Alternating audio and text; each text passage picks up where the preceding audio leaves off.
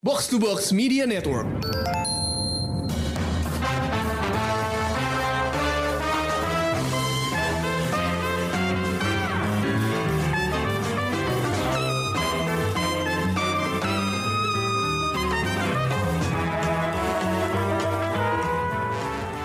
Halo, welcome to Showbox dengan gue Amy. Lisa lagi cuti minggu ini, jadi gue sendirian. Eh, enggak juga deh, karena ada coba siapa? Ada Dana dan Baba. sama dari Pretelin Panel. Seperti biasa kita mampir lagi. Eh, usual suspects lah ya. Harus mampir soalnya yang bahas kalau sendirian nggak seru. nah, kita bakal barangnya nyambung. kita bakal ngebahas serial baru yang udah mulai streaming hari ini di Disney Plus, yaitu The Falcon and the Winter Soldier. Uh, ini serial uh, kedua ya yang diproduksi oleh Marvel Studios uh, dengan Kevin Feige sebagai eksekutif produser. Terus bintangnya tentu aja adalah Anthony Mackie sebagai Sam Wilson alias The Falcon dan Sebastian Stan sebagai Bucky Barnes alias The Winter Soldier. Tapi nantinya di serial ini bakal ada juga uh, Emily Van Camp sebagai siapa Agent 13 ya. Iya, Terus Sharon Sharon Stone. Eh, Sharon Stone. Sharon Carter. Sharon Stone lain lagi. Beda lagi. Basic insting dia. Ada Daniel Brühl sebagai Baron Zemo uh, yang katanya bakalan pakai kostum dari komiknya. Yeah. Terus ada satu nih orang gue nggak ngerti uh, tiba-tiba nongol uh, Wyatt Russell memerankan the new Captain America. Tapi Captain Amerikanya Yep. bukan Sam, juga bukan Bucky. Gue bingung. Tapi sebelum kita bahas The Falcon and Winter Soldier, kita dengerin dulu trailernya. So, who would like to start? Mr. Barnes, why does Sam aggravate you? 15 seconds to drop. So what's our plan? Great.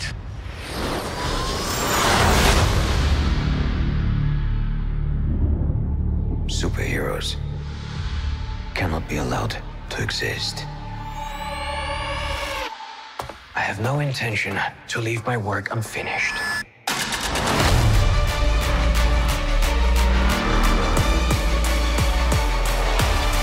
The world's upside down right now. Where do we start?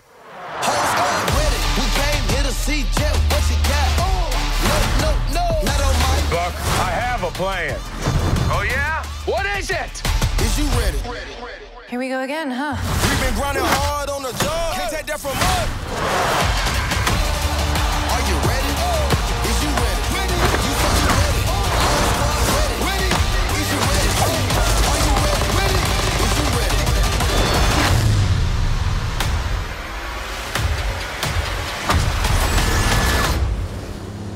Little girl kick your ass.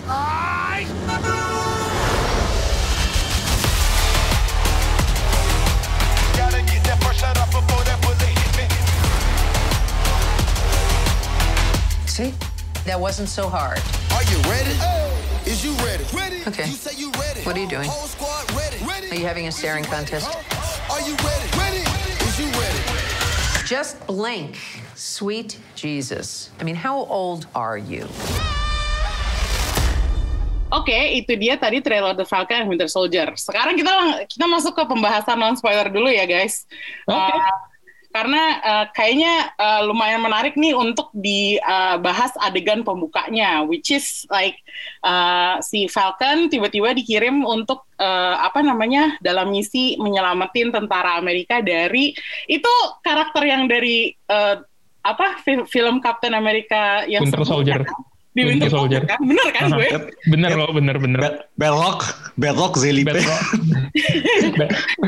gue nggak gue nggak nyangka dia bakalan nongol tapi terus adegan kejar-kejarannya tuh keren banget kalau menurut gue budget banget Itu Iya. pleasant surprise sih. Gue seneng banget Betrong muncul. kenapa Ba- seneng Dan ke sini bagus. Mm, Heeh. iya sih dan kostum uh, squirrelnya itu keren juga ya maksudnya kayak Iya. mereka ya kostum terus alat-alatnya gadgetnya tuh kayak semuanya tuh kayak high end gitu Sugar glider kostumnya Itu bagus. kayak Sugar Glider. Glider. Itu kayak scene straight out of Mission Impossible gitu gak sih? Heeh, Iya, iya, iya, iya. Terus eh, abis itu setelah adegan yang bombastis di awal itu, eh, tiba-tiba kita dikasih Sam balik ke Washington DC, terus dia ngasih shield yang ngembaliin shieldnya Cap ke pemerintah AS, dan di situ ada Rhodey. Terus gue bilang, ini budget banget ya, mereka bisa casting si Don Cheadle buat eh, nongol berapa menit gitu, Eh, tapi Lumayan. iya makanya. Terus gue bilang ini kayaknya kita bakalan eh, tanda-tanda bakalan ada penampakan cast Avengers lagi nggak sih di di serial ini? Kalau menurut gue bisa jadi yang rumor bahwa Chris Evans waktu itu nego mau muncul lagi bisa jadi di serial ini ya nggak sih Ya nggak menutup kemungkinan sih Hmm. sebenarnya. Cuma kalau dilihat dari scene konteks scene si Sam ngebalikin shield itu kayak mungkin ya kalau mungkin nongol sebagai mungkin sebagai flashback ya bukan sebagai Joe Biden. exactly. Oke. Terus gue pengen ngomongin pengembalian eh, shieldnya Cap itu. Kenapa sih nggak disimpan aja menurut lo? kayak kenapa Sam tuh nggak kayak nggak rela eh, apa ya? Kayak dia sepertinya sangat reluctant untuk jadi the new Cap gitu. Hmm. Kalau gue lihat kan pas dia scene awal tuh kan dia terngiang pas dikasih shield itu kan kayak it Iya. feels like someone else's gitu kan. Mm. Dia kayak masih berasa sa- ya imposter syndrome lah kayak how do you follow kayak an act as tough as Cap? Tapi kan udah dikasih udah dikasih restu dari si Capnya. Bener, betul, Jadi betul. Sebenarnya Cuma itu kalau- imposter Nah, syndrome kan. ya. Dan kalau mau meta dikit ya, menurut gua, walaupun dia udah dapat restu dari Cap, belum tentu dia dapat restu dari fandom karena kayak masih sampai sekarang juga gua ngeliat orang-orang yang bilang harusnya Bucky yang jadi Captain America berikutnya. And it's still going on, so I think by the end of this series, ya tujuan series ini tuh cuman untuk menjustifikasi pernyataan bahwa Sam tuh berhak jadi Captain America dan he will don the shield. Oh, That makes sense, yes. Apakah ini ada kaitannya dengan warna kulitnya Sam? Itu ya maksudnya. Bukan Eh. itu. Enggak sih. Gue rasa bakal ada ada di situ sih. Ah, Pasti ada. Pasti ada. Oke. gue sebenarnya agak nggak pengen nyentuh isu ras gitu ya. Tapi eh, setahu gue waktu di komik eh, Sam udah jadi kapten pernah jadi kapten Amerika kan? Udah. Pernah. Mhm. Dan emang waktu back, backlash juga ada kan? Iya, Dia berarti se-backlash. ada. Is this related to that gitu? Apakah ini berkaitan dengan masalah itu kalau menurut? Eh, mungkin gini, karena kita ngomongin kan kalau di komik kan audiensnya lebih kecil ya. Mhm. Hmm. Mungkin jadi cuma yang baca doang yang yang tahu deh. Tapi sekarang ini kita udah bawa udah naik nih ke MCU udah mainstream nih jatuhnya kan. Iya iya. pasti iya. bakal audiens lebih besar dan receptionnya kayak maupun negatif maupun positif pasti bakal lebih gede dia. Oh, oke. Tapi kalian sendiri menghadapi Cap eh, Sam sebagai Cap itu gimana?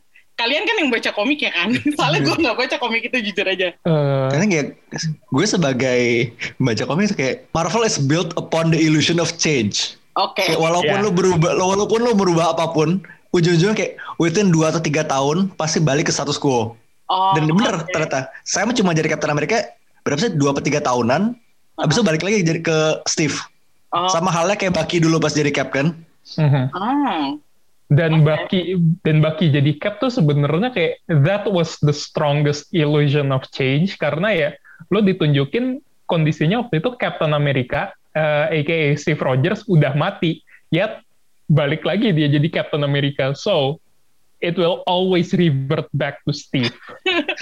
Tapi ini MCU kan? Kalau MCU soalnya kan mereka terkait kontrak kan. Uh-uh. Jadi kayak Mm-mm.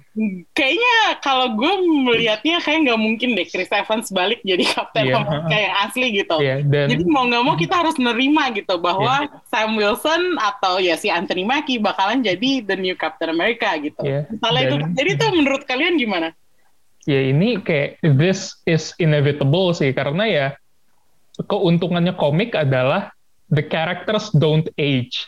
Iya. Meanwhile kayak ya MCU udah terkait kontrak dan sejago-jagonya CGI artis Disney manipulasi age, mereka nggak akan bisa manipulasi fisik. Jadi ya kayak pada kayak pada akhirnya abis Sam eh abis Sam jadi Captain America it will be someone else's again. We don't know when, we don't know how, but it will happen at some point. I'm pretty sure. Hmm. Oke, analisanya menarik banget nih dari abang.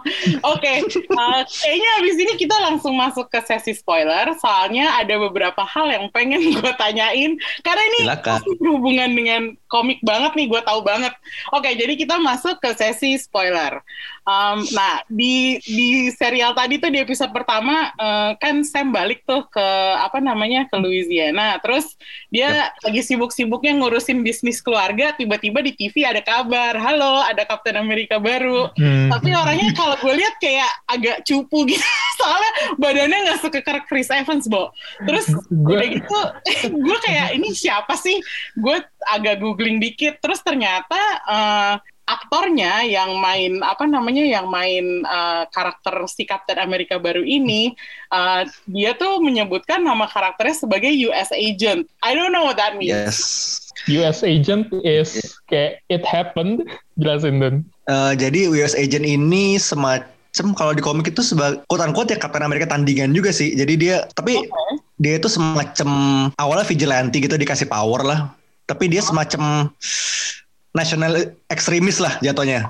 Ah, oke. Tapi dia super soldier juga. Bukan dia nggak pakai serum tapi emang ada prosedur yang dia punya power di dap- dapat ekstra power mirip-mirip Cap lah jatuhnya. Oh gitu. Tapi prosesnya dari proses apa? Gak tahu. It- Prosesnya itu eh, namanya eh, mutagenic sama kayak eh, dari orang bernama power broker intinya. itu kayak kasih power ke super Oh my villains. Oke. Oke, jadi dia jatuhnya villain kan ya? Maksudnya it's not like dia dibikin sebagai anti-hero terus nantinya bakalan join sama Cap gitu. Gak kayak gitu kan? Nah ini That's it gets fun karena di sini eh, awalnya si Steve sama John Walker si US Agent ini emang clash. Oke. Tapi makin ke sini tuh dia eh, sedikit melunak lah jatuhnya. Mm-mm. eh, geser ke anti-hero dan sekarang kayak mostly on the side of good. Walaupun emang masih agak-agak ya tipe-tipenya kayak kita ngelihat Punisher sama Cap lah kayak Ah, representnya basically the same things kan. Mereka sama-sama tentara, sama-sama backgroundnya militer, sama-sama fighting for quote unquote good, tapi ya metodenya beda. Oh, Jadi si US Agent ini emang lebih keras aja jatuhnya. Oke. Tapi kelihatannya di sini tuh dia cuman jadi kayak marketing tool aja nggak sih? Kayak kalau gue ngeliat di trailer kan ada yang kayak adegan dia sepertinya datang ke acara Di football. stadion football itu ya. Ya gitu. Apakah dia akan apa ya akan berbahaya untuk Falcon dan Winter Soldier atau ya sebenarnya ini cuman kayak semacam uh, PR campaign aja gitu loh? Nah, itu dia kan eh, kalau kita lihat juga historinya Steve dulu. Dulu iya jadi soldier iya, tapi kayak karena alah sayang kalau dia turun di battlefield ah, takut mati kalau mati gimana gitu kan. jadi jadiin itu jadi marketing tool kan.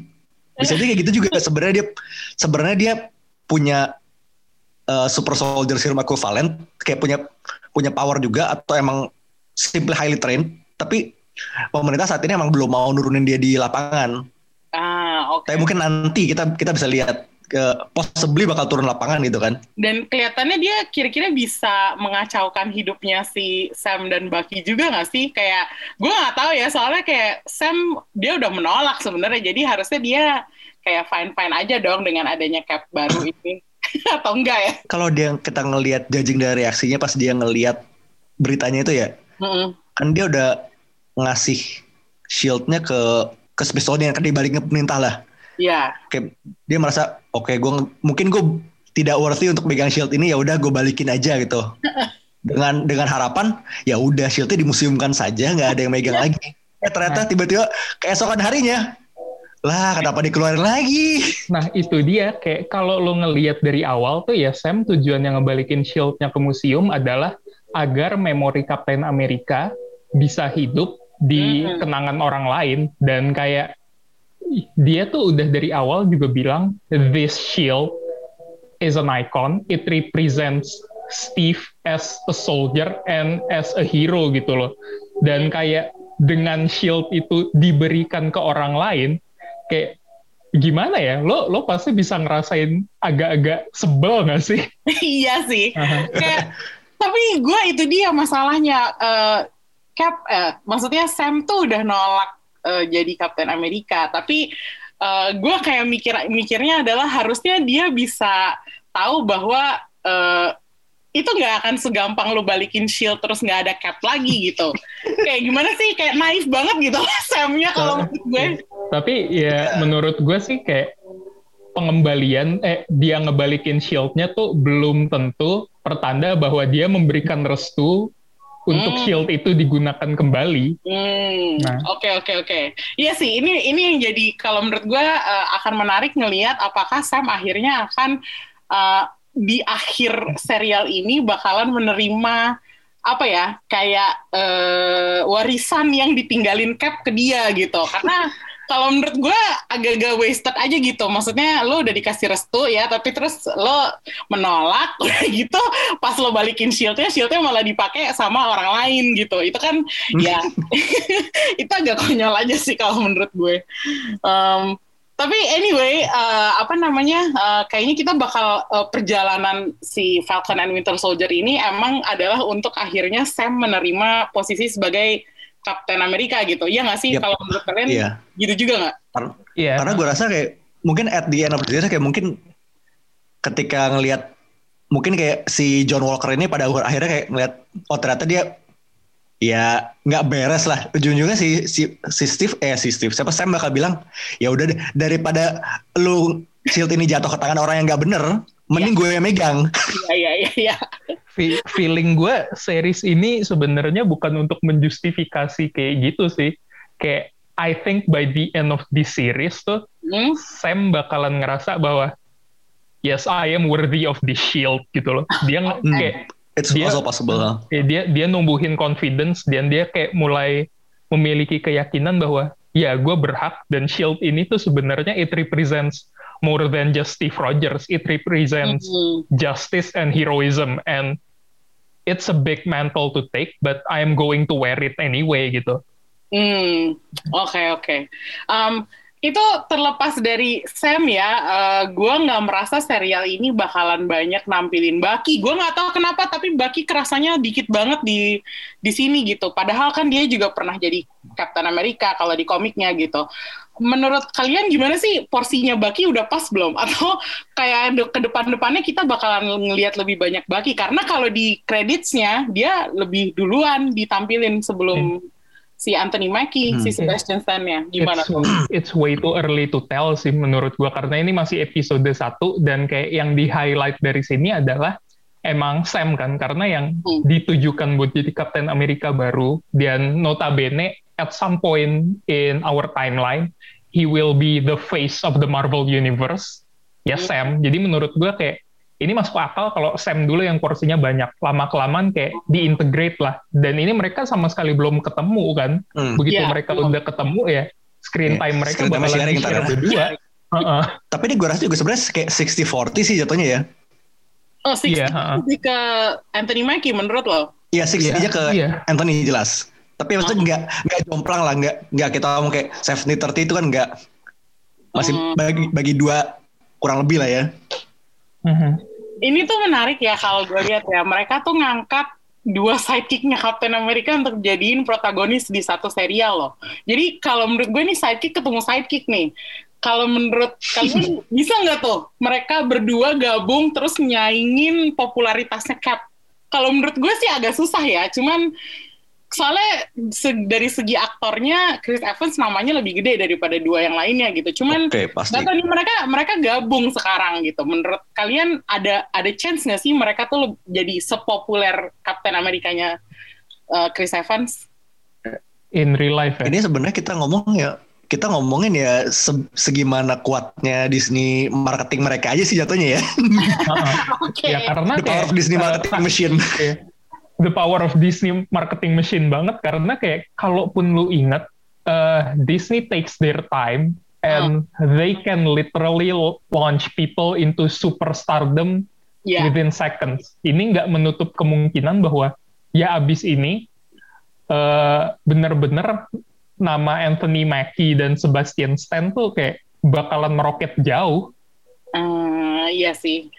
Tapi kalau lu- kalau kalau se- sekarang ini tuh gue ngelihatnya mereka tuh masih emang sidekick doang gitu. Jadi gue gimana ya kayak eh, kelang apa eh, beda gitu sama kalau Elizabeth Olsen karakternya aja tuh udah udah menarik gitu kan Scarlet Witch. Sementara kalau si uh, Winter Soldier sama Falcon nih gue ngelihatnya mereka tuh beneran sidekick gitu. Jadi kayak apa ya belum ada belum ada glamornya gitu loh.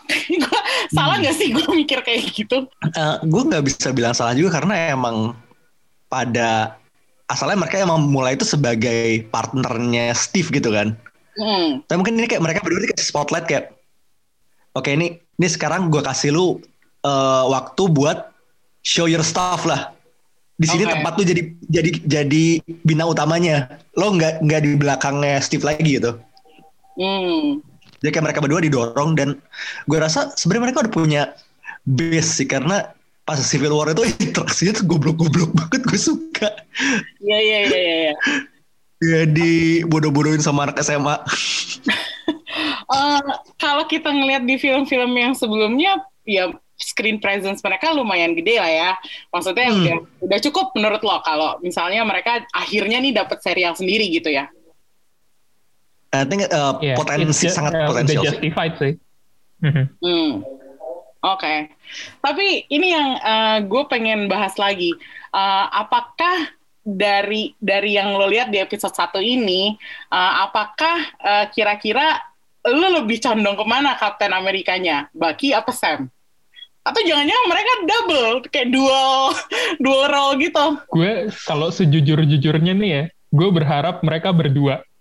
Ah, tapi ya, eh, tapi yang megang shieldnya gue berharap eh, Bucky. Bukan karena alasan kayak Sam is not worthy of the shield, bukan. Tapi kayak gue gue selalu punya gripe di mana dari komik tuh gripe gue sama Heeh. Sam powernya terbang. Shield tuh kayak it's so redundant for a person who can fly to hold the shield. betul Kayak, betul. it makes no uh, it makes no sense to me. Dan lo lo udah ngelihat di episode 1 tuh dia literally can Dia bisa bikin tameng pakai sayap. Iya, makanya he can withstand firepower pakai pakai wingnya sendiri. Sementara Bucky tuh punya apa? Punya tangan doang sebiji. Hey, His arm is a shield. Ya kayak literally an arm. He, kayak his whole body is still squishy no matter what. So I think it would be wise for Bucky to have the shield instead of Sam, and they both can be Captain America at the same time. Iya, gue juga setuju kayak gitu sih kayak karena kalau Hmm, misal kalau lu misal lo majang dua orang yang posisinya sama, ya udah sekalian aja bikin dua-duanya jadi Captain America gitu. Kalau lo gimana Dan?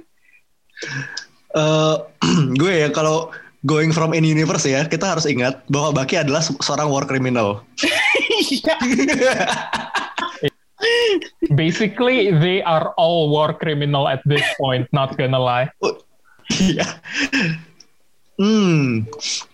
Tapi kalau kita lihat dari standpoint apa namanya utility ya memang sebenarnya Bucky lebih butuh. lebih butuh Tapi- shield.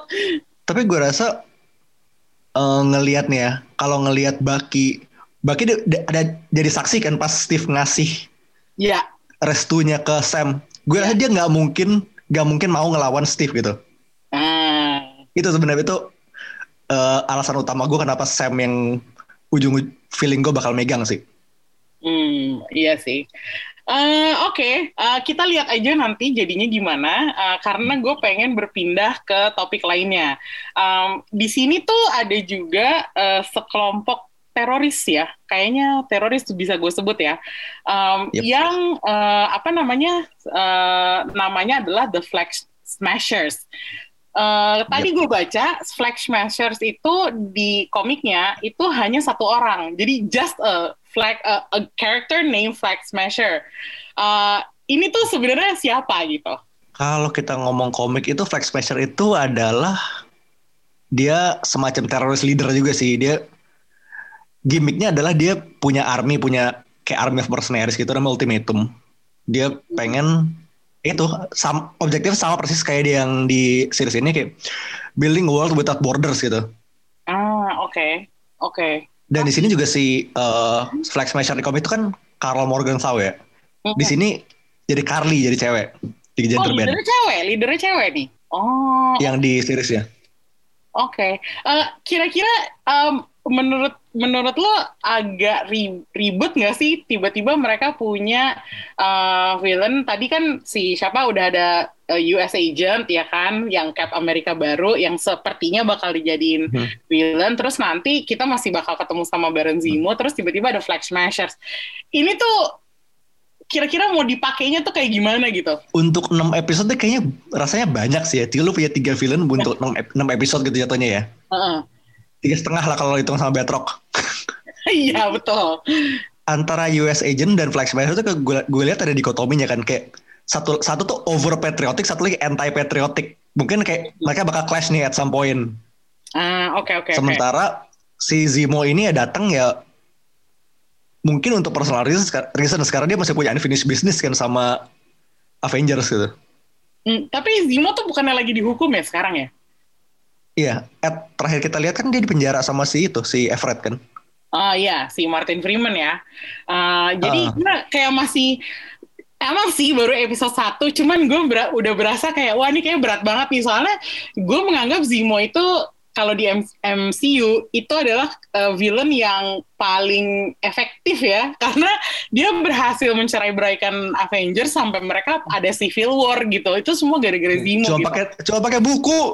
Iya, makanya yang dia nggak perlu dia nggak perlu kayak apa ya dia nggak perlu senjata dia nggak perlu super power dia udah bisa ngejatohin Avengers gitu kayak simping aja kalau menurut gue gue agak-agak takut bahwa dia akan melepaskan satu nightmare baru gitu di MCU ini. Padahal ini tuh situasinya juga udah udah parah gitu kan. Gimana kalau menurut kalian eh, dengan bakal nanti datangnya Zemo terus ada si Flag Smasher tuh ada US Agent lah nih. Ini gimana nih kondisi MCU nih? Nah mungkin bisa jadi Zemo ini kan sebenarnya tipenya bukan villain yang benar-benar belas konfrontasi kan. Bisa tuh dia puppet master dari antara semua ini gitu loh. Hmm, Atau minimal kayak one side lah minimal let's say ternyata kayak dia manipulasi siapa di pemerintah Amerika buat bikin Captain Amerika baru atau malah dia dia yang sebenarnya diam-diam tuh support si Flag Smashers gitu. Kita belum tahu nih. ah oh, Oh, bisa that's gitu a ya good theory. That's a really good theory. Yes, yes, yes. Karena uh, I notice si Flag Smashers dia uh, apa namanya uh, di episode satu ini uh, melakukan aksi teror di Swiss. Sementara si Zemo juga ada di Eropa kan. Jadi gue mikirnya kayak jangan-jangan gitu. Jangan-jangan mereka digerakin sama Zemo juga gitu. gue nggak tahu ya, tapi entah gimana caranya dia bisa menggerakkan semua itu padahal dia lagi dihukum gitu. Terus kita juga lihat si si Flag Smasher quote unquote Flag Smasher utama yang ngerampok bank itu kayaknya super strong nih. Possibly ada akses ke super serum equivalent. Kita belum tahu nih prosedurnya apa tapi Nah, iya. bisa jadi nih kayak ada semacam super serum KW lah. Oke, iya. out there somewhere. maksudnya super serum itu kan kayak dari waktu ke waktu kan muncul lagi muncul lagi ya maksudnya kayak di di Civil War Iya. kan juga ada plot tentang itu gitu apa di Winter Soldier di Winter Soldier kalau nggak salah ada plot tentang itu gitu jadi kayaknya sih masih bakalan bisa nongol lagi gitu tapi yang gue tertarik adalah bahwa Flag Smashers itu leadernya tuh cewek kalau nggak salah di trailer udah ada cewek yang lagi senyum terus tiba-tiba dia pakai pakai topeng apakah mungkin dia itu gitu Yeah, Uh, I think so. Iya, Eh, that's itu dia, actress, uh, right? Uh, Aaron Kaliman ya. and Fisnes. Aaron Envis Ness ya. Hmm. Ya ini ini kayaknya eh, bakal menarik sih ngeliatin a- gabungan dari tiga unsur enemy musuh ini bakal gimana dia mengacaukan hidupnya Sam Wilson sama Bucky Barnes gitu. Um, Oke, eh, setelah itu eh, gue eh, pengen ini aja sih, pengen eh, ngebahas aja eh, kayak kan kita udah ngebahas waktu WandaVision ini kan tiba-tiba ada apa namanya ada Sword terus ada Ji- eh, Jimmy Woo. Eh, kira-kira mereka bakalan bersinggungan gak nih eh, dengan WandaVision di Captain eh, di Captain dan Winter Soldier ini? Kayak nggak menutup kemungkinan, tapi kalau menurut gue sih unlikely karena Sword extraterrestrial threat plus Ah oke, uh, reality benders and stuff. Sementara ini tuh grounded banget kan. iya. Dan Jimmy Woo juga FBI doang kan. Iya. Sementara dia kayaknya Avenger bakal uh, world spanning itu kan ada ada Madripoor segala macem. Iya, heeh. Oh itu udah udah confirm ya bakalan ada Madripoor dan segala macam. Udah ada di trailer juga bahkan kan. Oh. Itu pokoknya kota kota yang penuh neon itu Madripoor. Oh itu Pokoknya neon tapi kumuh tuh ujung-ujungnya Madripoor. Ah. Oh oke oke oke oke. Jakarta tahun 80-an banget deh. Mungkin kalian harus jelasin Madripoor tuh apa karena pendengar Showbox belum tentu tahu apa itu Ah. Madripoor. Coba. Tongkrongannya Wolverine kalau di Madripoor. komik. Oke, jadi Madripoor itu sema- itu negara kayak fictional country. Dia tuh terletak di antara Batam sama Singapura. Apa? Batam sih Iya. Iya. Iya, posisinya di situ, kejepit di antara Batam sama. Singapura. Heeh. Dia emang Southeast Asian. Ah oke oke. Jadi kota, kota ini emang dikenal sebagai ya hellhole lah isinya. Aha.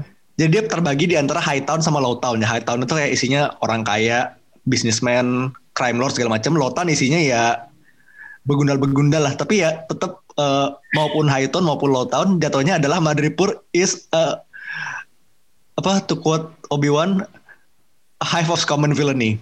Oh oke. Karena kayak kal- kalau udah berbau-bau busuk dan rada-rada corrupting ya, sarang paling dekat adalah Indonesia mepet-mepet dikit. kayak di komik Black Panther tuh Kingpin nyelundupin duit di Jakarta. Iya. Iya. jangan jangan lupa Darkhold ada di Indonesia. Iya. Oh, iya. Oh my god. Oke, iya iya oke. Itu itu informasi yang menarik banget yang kayaknya kalau lo nggak baca komiknya lo nggak bakalan tahu gitu. Dan selama ini gue emang menunggu-nunggu datangnya Madripoor, munculnya Madripoor di MCU gitu. Tapi kan di film-filmnya kan nggak pernah dibahas kan. Tiba-tiba sekarang nongol di serial eh, Disney Plus ini gitu. Jadi itu menarik banget. Oh, jadi pasti mereka bakalan ke situ ya. Oke. kemungkinan besar sih bakal bakal bak, minimal bakal nyerempet ke situ lah. Soalnya kan di premisnya juga waktu dibilang worldwide adventure ya. Kita Ah, udah tadi udah Tunisia udah nih. Oh iya. Libya nyaris. Eh, Iya iya iya. Ya udah tinggal nama Madripoor tinggal nunggu waktu aja. Besok, Swiss besok udah. Iya, sih sudah, sih sudah. Episode 2 episode 2 Depok belum, Pamulang. Iya, Pamulang episode 2. Depok susah. Oh my god. Eh, bukannya di Madripoor tuh ada ini ya, ada beberapa villain yang lumayan terkenal ya? Banyak sih sebenarnya yang tongkrongan yang Banyak bahkan. Kayak Doom pernah nongkrong di Madripoor. Deadpool base-nya sempat di Madripoor beberapa bulan. Apalagi coba. Terus Kingpin yang jelas Eh, punya Logan, money oh, loan. at one time Viper itu Vipernya Hydra penguasa Madripoor. Ah, oke oke. Jadi Iya, jadi- intinya kayak biasanya kebanyakan tuh yang main ke sana tuh anak-anak X-Men tapi sekarang kayak jadi catch all lah pokoknya kalau misalnya mau bikin setting di luar Amerika isinya villain semua oke Madripoor. Biasanya ya mentok-mentok gitu kalau nggak Jerman, Rusia, Madripoor. Kayak itu Trinity tempat villain tuh di situ biasanya. Kayaknya kalau Rusia udah bosen lah ya, soalnya kan di mana Bosen. di film-film, ya di film mana pun juga musuhnya Rusia terus gitu. Mhm. Jadi udah gitu si Baki kan juga Eropa Timur udah pernah lah kita nge- ngelihat Eropa Timur eh, sebagai sarang villain. gitu. Udah hafal dia mah. Mhm. Oke, jadi kita eh, kalau gue sih nungguin ya bagian Madripoor itu karena ternyata setelah dipikir-pikir Hmm. Madripoor itu eh, emang tempat yang sangat menarik sih. Meskipun gue agak-agak kok ya deket Indonesia juga gitu. Memang. Nih ka- kalau eh, nggak dipotong dari civil civil war juga Indonesia masih masuk kan harusnya. Yang kayak Zimo yang ada itu ya ngobrol siapa, sama eh, Reza Hetapi. eh Reza tapi Oh iya ya betul ya. Kenapa dipotong ya? Gak menarik kali buat orang-orang Afrika. ya. Oke. Terus mungkin gue mau nambahin satu aja sih. eh, Apa? Jadi temennya si Sam yang The Air Force guy yang digebuk sama Flag Smasher itu. Ah. Si Hakim Torres. ya? Dia Torres, itu ah. ya Torres ya. Hakim Torres kalau di komik itu dia adalah Falcon kedua. Oh ya? Oh. Iya. Oh gitu. Dia dia tuh jadi Falcon pas Sam jadi Cap. Oh, oke. Setuju. Otak Dan- gue langsung terbuka gitu. Dan di komiknya dia itu adalah dia manusia dimutasi jadi kayak bird human hybrid gitu. Birdman. Oh my god, really? Iya. Oke, itu menarik banget. Tapi kayaknya kayaknya nggak mungkin ini kan, nggak mungkin. Nggak- di komik sih enggak sih. Eh, di, di series ini kayaknya enggak sih. Cuma dipakai namanya aja gitu. Hmm, tapi di kalau ngeliat daftar castnya ya, dia nggak disebut sebagai Falcon. Tapi sekarang dengan bocoran dari lo ini, gue tiba-tiba langsung memprediksikan endingnya, ending serial ini, di mana Cam uh, apa Sam jadi Cap, terus tiba-tiba dia nemuin Falcon. Jetpacknya di, dioper gitu ya. Wah, dioper gitu. Jadi sekarang apa namanya? Eh, dia udah punya Falcon baru, terus udah gitu si Winter Soldier ya tetap Winter Soldier gitu. Kayak lengkap lagi timnya jadinya kalau menurut gue bakalan ada. Tapi kalau iya, kalaupun Bucky pengen relinquish the name of Winter Soldier, dia masih punya nama White Wolf. MCU udah Oh, iya. MCU White Wolf udah di eh, udah diklaim sama dia. Tapi itu belum Iya, terus pernah kayak- disebut kan di MCU Apa? nama White Wolf itu. Apa? Nama Udah. White Wolf. Pernah disebut kan? Udah di Infinity War apa Endgame ya? Oh, eh, Infinity War ya, kayaknya pas dikasih tangan baru Iya, ya. Infinity Pas War. dikasih tangan baru. Iya, pas dikasih Ah, tangan iya, baru yang kan sama, yang sama sebutan dia White Shuri Wolf. ya. Iya, heeh. Oh, oke oke, betul betul betul. Udah pernah disebut, Deng. Oh, jadi gue Soal, soalnya kan iya. Nama Winter Soldier kan udah tainted lah ya jatuhnya. iya. heeh. Ya. Udah gitu mana kita bakalan kayaknya bakalan lumayan banyak melihat flashbacknya Bucky sebagai Winter Soldier sih kalau judging on the first episode ya. Yang mana sebenarnya gue gak pengen lihat karena itu terlalu kelam kalau buat gue. Tapi kalau lo lihat itu pas dia buka buku notebook Book of Amensa itu lo lihat ada namanya Zimo loh. Ada ya? Oh gue harus nonton lagi Ada. berarti. Eh gue iseng jadi- pas ngeliat pas dia buka buku. Eh ada H Zimo. Nah, kayaknya Oh. udah di hit, udah masuk hit listnya dia tuh sebenarnya. Hmm, iya iya iya iya, menarik banget ya. Sebenarnya ini dia nih kenapa kita perlu gabung sama Pretelin Panel. Soalnya kalau gue sendiri yang nge-review gue gak bakalan hatiin kayak begini-beginian ya gitu. Oke, Em, ada lagi dan yang lo mau share Ya. sebagai mind blowing information. Itu enaknya nonton streaming sih bisa di post. Iya betul, betul betul. Terus ya jangan lupa kemarin eh, si Apple Store Aaron nongol lagi di iklan Xbox.